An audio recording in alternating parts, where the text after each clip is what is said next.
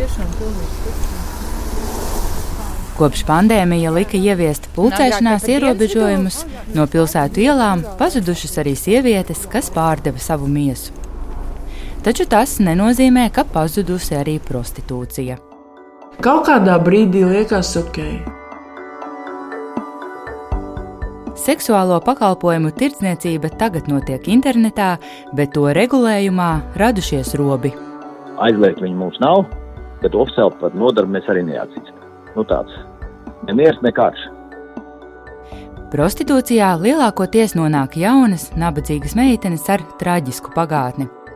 Bet izkļūt no tās šobrīd palīdz tikai brīvprātīgie. Ja mēs būtu bijuši tajos pašos apstākļos, gājuši caur tām pašām lietām, visticamāk, mēs būtu tepat, kur viņi tieši tā. Kāda ir prostitūcijas seja Latvijā, to nākamajā pusstundā pētīšu es, Baiva Runce. Pirmā daļa - ķirbju keksiņi.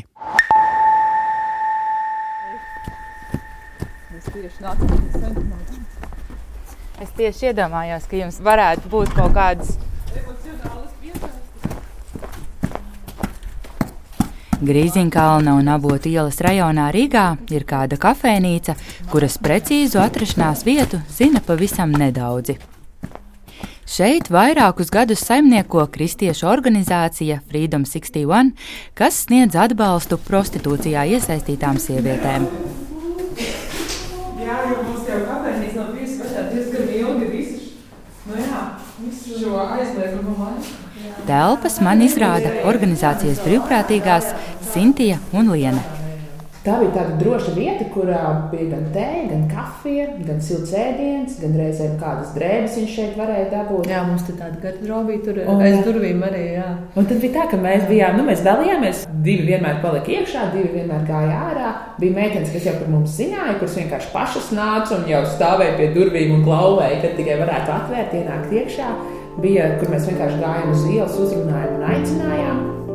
Kafejnīca bija atvērta divas, trīs reizes nedēļā, un pēdējo reizi dienas piedāvājumā bija bieža zupa un ķirbju kēksiņi, liecina pie sienas piestiprinātā tāfele. Vienreiz viena no tām meitenēm teica, teica, ka katru, lai mēs tiekam ārā no tā visa, ja nav neviens, kas pasniedz mums roku. Tie bija viņas vārdi. Viņa teica, paldies, vismaz, ka jūs esat, jūs kaut kā mūs atbalstat un palīdzat. Bet tāda bezcerība, ļoti dziļa bezcerība. Bezcerība un, un tas, ka viņām ir milzīgs kauns par to, ko mm. viņas dara, jo viņas saprot, ko viņas dara. Ja? Un, un viņām ir milzīgs kauns par to, un līdz ar to viņām nav tās cerības, tāpēc, kad uh, viņas sajūt li lielu to nosodījumu no sabiedrības. Pasaulē vecākā profesija pati vainīga, kāpēc neiet strādāt uz veikalu, tie ir biežākie prostitūtām veltītie apzīmējumi. Bet cik šie stereotipi ir patiesi? Pētījumu par prostitūciju Latvijā ir maz. Aktuālākais un apjomīgākais veikts pirms astoņiem gadiem. Tajā intervētas ielu prostitūcijā iesaistītās kafejnīcas apmeklētājas un speciālisti, kas ar viņām strādā. Pētnieki secināja, ka prostitūcija ir sociāla problēma un to nevar uzskatīt par sievietes brīvu izvēli. Visbiežāk vairāku cēloņu kopums mudina sievietes spērt tik galēju soli - nabadzība, zemes izglītības līmenis, vardarbība, pēkšņa traģēdija, sociālā atstumtība.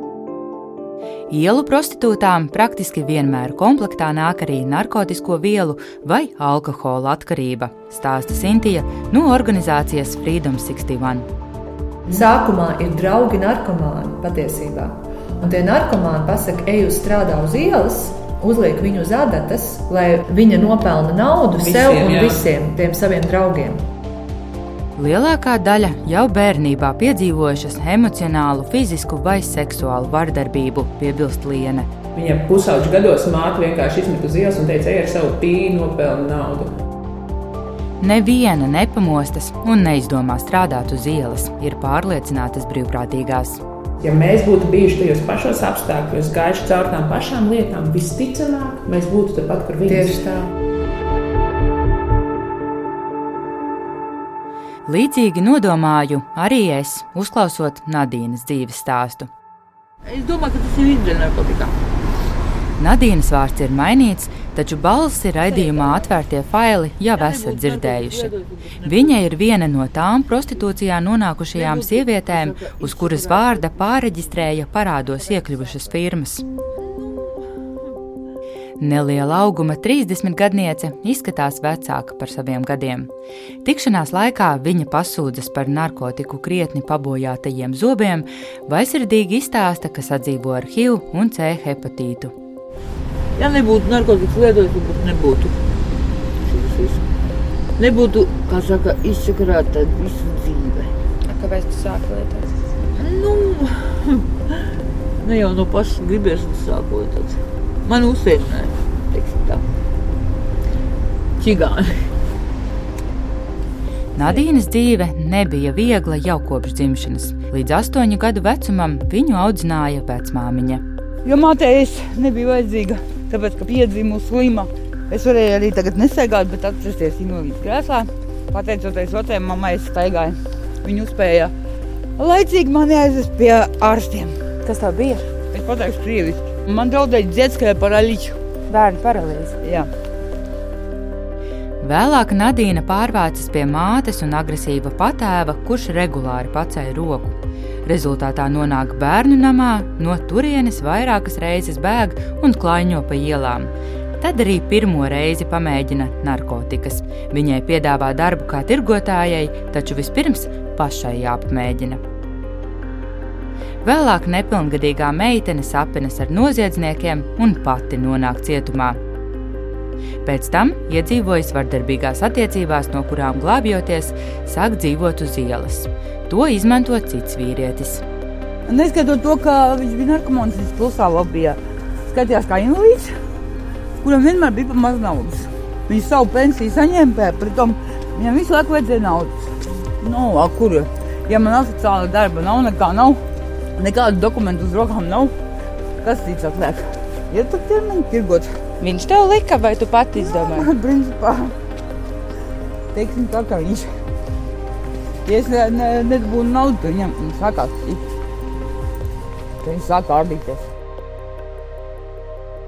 Nadīna stāsta, ka jau piecus gadus kopš iepazinās ar pašreizējo dzīves biedru, narkotikas nelieto un ar prostitūciju nenodarbojas.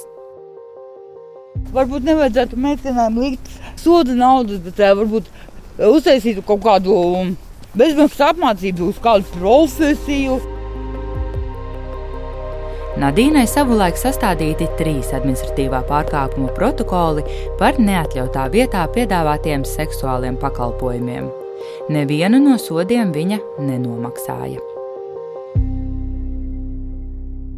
Latvijā seksuālos pakalpojumus drīkst piedāvāt no 18 gadu vecuma tikai savā īpašumā vai telpās, par kurām noslēgts īres līgums.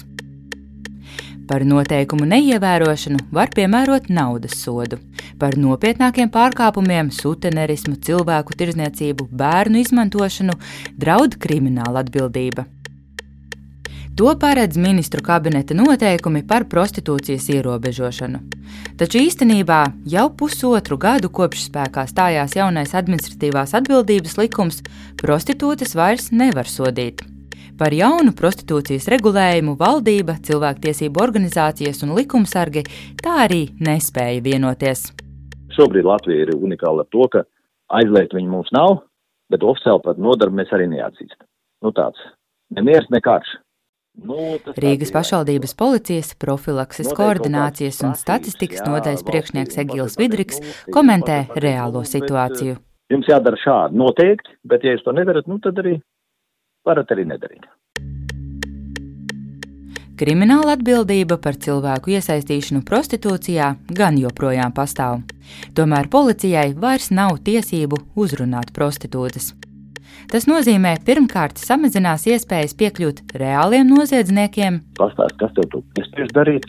Ja, un mēs tev tur attiecīgi ar aizsardzības programmu likumā ir ierakstīts, ka mēs tev nekādā gadījumā nesodīsim. Otrakārt, vairs nav iespējams uzraudzīt aktuālo situāciju, ievākt datus. Egils Vidriks uzskata, ka bez informācijas valsts politiku veidot nevar, tāpat kā veikt preventīvus pasākumus. Mums nav nekādas tiesības pieiet cilvēkam uz ielas un pateikt, klausies, dodiet, sveiks, kas tu tāds esi, no kurien. Viņš pateiks, es kaut ko pārkāpu policijas kungs, es pasaku, šobrīd nē, varbūt viņš vajag kādu palīdzību. Viņš man neko nevajag, visu gaišu. Sodi nesot pašmērķis un līdz šim tos tāpat nemaksāja. Arī piedzīt sodus ir neiespējami, ja pārkāpējam nav legālu ienākumu vai īpašumu. Otra daļa - no acīm prom.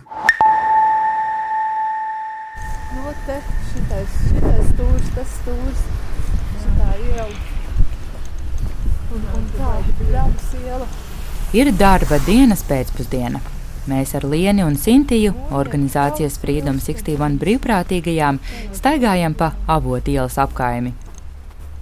Pirms pandēmijas šeit jebkurā laikā varēja satikt sievietes, kuras pārdod savu ķermeni. Nē, nu saka, pēc citas arī tāds stereotips, ka prostitūts strādā tikai vakariem un pa naktīm. Bet uh, viņas pilnīgi jebkurā dienas laikā. Tagad apkaime ir klusa. Egils Vidriks no Rīgas pašvaldības policijas apstiprina, ielu prostitūcija praktiski vairs neeksistē. Kā lai saka, ministrs kabinets laikam nekad nav tik daudz izdarījis prostitūcijas apkarošanu, kā šobrīd pieņemot dažādus, pieņemsim, šos te lockdowns un komendantu stundas. Ierobežojumi gan prostitūciju nav izskauduši pavisam. Klienti telefona numurus atrod internetā vai caur paziņām, pašas sievietes apvienojušās un īrē kopīgus dzīvokļus. Pērn viņām sodus pašvaldības policija izrakstīja par epidemioloģisko prasību pārkāpšanu, jo pakalpojumus sniedza laikā, kad bija pulcēšanās ierobežojumi. Lielākā daļa no pārkāpējām ir trešo valstu pilsones, galvenokārt Baltkrievijas un Ukrainas. Vai klientus vēl pieņem? Kur un kādā cenā? 50 eiro purcēmā. Kas cenā?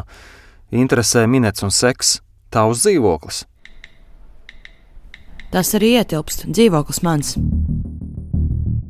Sāku sarakstīt ar kādu jaunu sievieti, kuras numuru atradu interneta vietnē, ko varētu dēvēt par atsauksmju portālu. Prostitūtu klienti te apmainās ar sieviešu numuriem, apraksta savu pieredzi, neskopojas ar nievām un sniedz vērtējumu desmit baļu sistēmā, it kā runātu par parastu preci. Sieviešu atbalsta centra Marta vadītāja Ilūta Lāce stāsta, ka internetā cilvēkus, pat bērnus, arī iesaista prostitūcijā. Interneta vide tiek izmantota, lai savarbētu, lai atrastu tos ievainojamības elementus un panāktu, nu, kad tiek veiktas attiecīgi noteiktas darbības pret savu gribu. Secinu, ka seksa portālu ir ļoti daudz un katrā apskatāmi desmitiem līdz pat simtiem sludinājumu. Norādītas cenas, vietām arī noteikumi, darba stundas un valodu prasmes.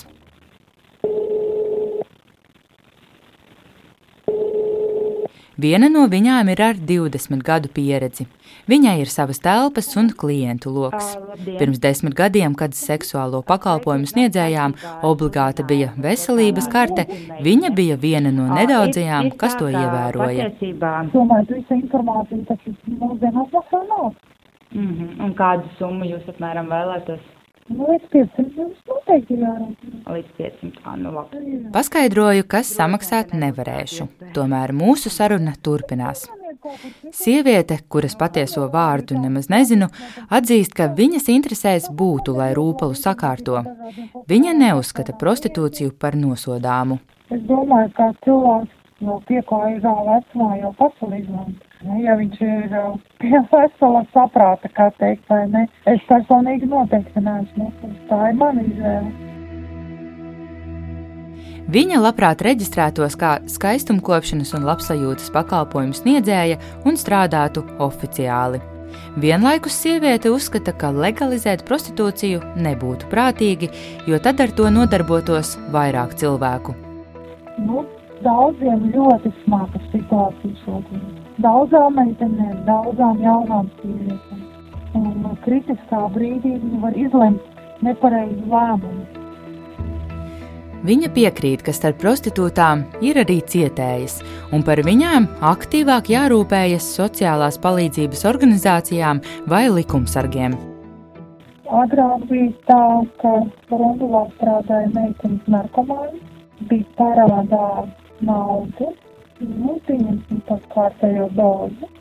Viņai vienkārši aizved uz turieni, lai viņa atstrādā to naudu. Tās ir upuris. Noprotams, ka arī mana sarunas biedre kādreiz ir vērsusies pēc palīdzības krīzes centrā, taču to nav saņēmusi.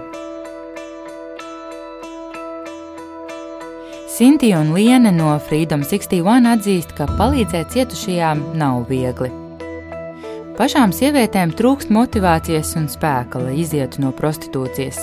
Viņas neusticas institūcijām, taču lolo cerības, ka uzradīsies kāds, kurš par viņām rūpēsies.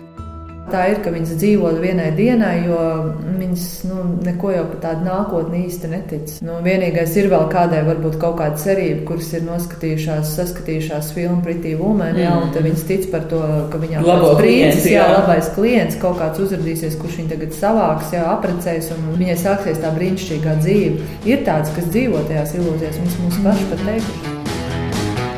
Pretty woman walking down the street. Piemēru par 90. gadu populāro filmu ar Džūliju Robertsu prostitūtas lomā un Ričardu Gīru, bagāto vīrieti, kurš viņā iemīlējās, piemin arī Irīna Mazurika centra Marta pakalpojumu daļas vadītāja. Latvijā nav atsevišķa programma, kas būtu izējas programmas no prostitūcijas. Par tādu programmu pirms Šobrīd ir pieejama sociālā rehabilitācija cilvēku tirdzniecībā cietušajiem, taču ne visas prostitūtas tai kvalificējas un ne visas tā aizsniedz. Pērn sniegta palīdzība 24 cilvēkiem, no kuriem 5 piedzīvojuši seksuālu eksploatāciju.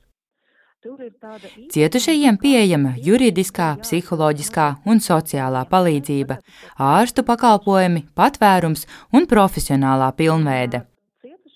Pakalpojumu uz pusgadu finansē Labklājības ministrija. Programmai jāpiesakās pašiem un ir jāatbilst noteiktiem kritērijiem. Otrais veids ir nokļūt pie mums caur policiju, ja jau ir ierosināts krimināla process par cilvēku tirsniecību un persona ir atzīta par cietušo. Ir gadījumi, kad cietušie pēc palīdzības vēršas atkārtoti. Nereti apkārtējā vide ievelk viņus atpakaļ, īpaši bērnus. Piemēram, pirmajā reizē tā var būt eksploatācija pornogrāfisko materiālu ražošanai, pēc tam jau viņi ir iesaistīti prostitūcijā, un nu, tur ir bišķiņa sajūta, kā cīņa ar veidzirnavām, ka vide ir daudz spēcīgāka nekā mēs, kā tie pārmaiņu aģenti, kuri uzrodas uz pusgadu un pēc tam pazūd. Irīna Mazurika uzskata, ka darbam ar prostitūtām būtu nepieciešama speciāla kompleksa programma, sākot ar atkarību un citu slimību, kā piemēram HIV ārstēšanu. Cilvēktirdzniecības programma ir vairāk orientēta uz tiem, kuri jau tā kā nonāk redzeslokā, kuri jau ir motivēti vairāk vai mazāk palīdzību saņemt. Un pēc skaita mēs redzam, cik viņi ir gadā. Ja? Viņi tā kā mazāk par desmit. Tas uh, nekādā gadījumā neatspoguļo to reālo milzīgo skaitu, kas uh, mums Latvijā ir. Cik sieviešu iesaistītas prostitūcijā, precīzu datu īstenībā nav. Un pagaidām ar viņām strādā tikai nevalstiskās organizācijas, tik cik pašas spēj. Viena no sievietēm, kurai ticība palīdzējusi mainīt dzīvi, ir Madara. Trešā daļa - Dieva brīnums.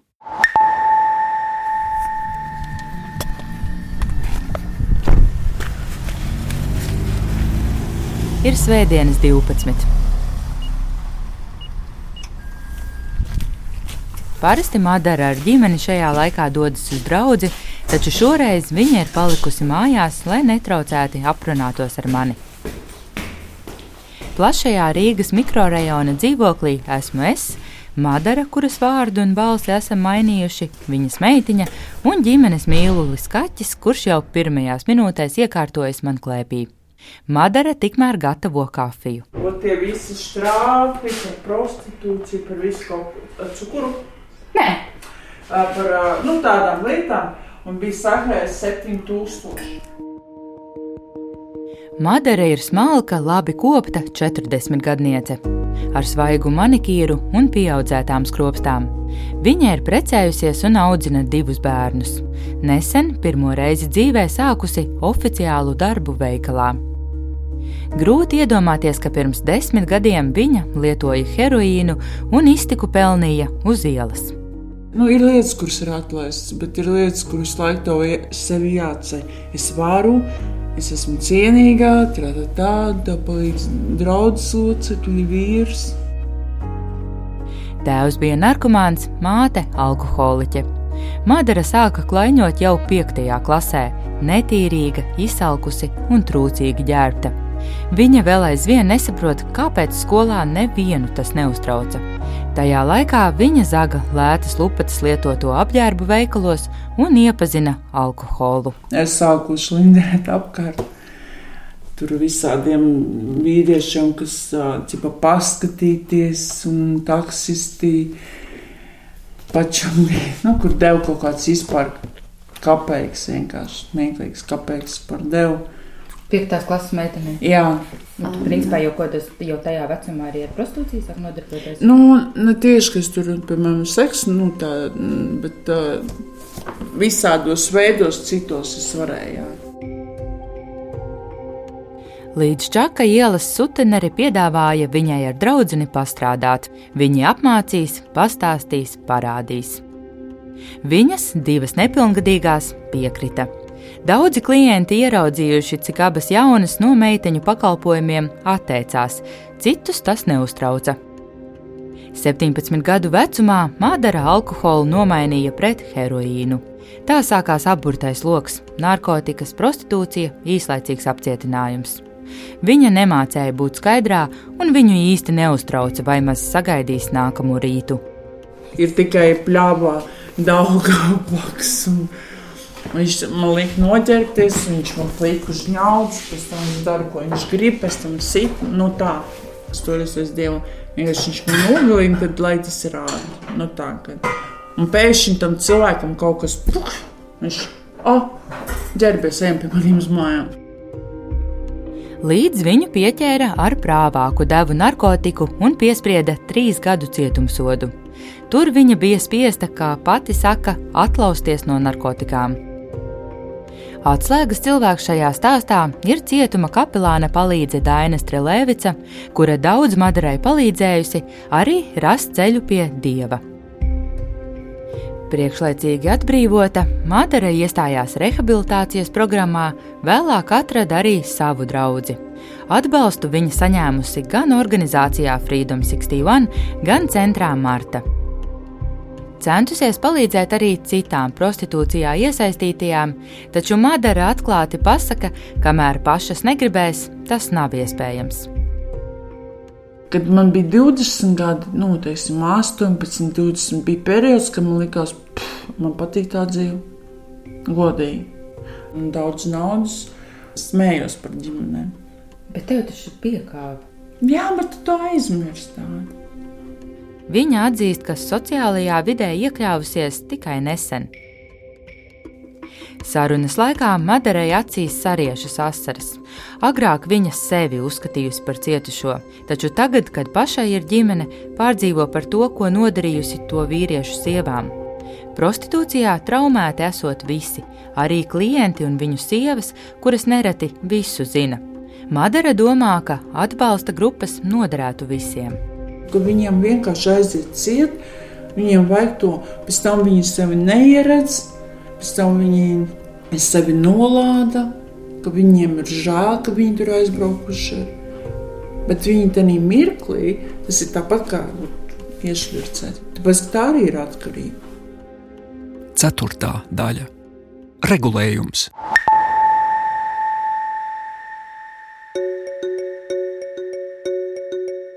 Pirms diviem gadiem iekšlietu ministrija ar Sandi Girģenu vadībā izskatīšanai virzīja prostitūcijas ierobežošanas likumu. Tas paredzēja palielināt pieļaujamo seksuālo pakalpojumu sniedzēju vecuma slieksni līdz 25 gadiem un noteikt atbildību prostitūcijas izmantotājiem. Viņu pienākums būtu arī apmeklēt uzvedības korekcijas programmu.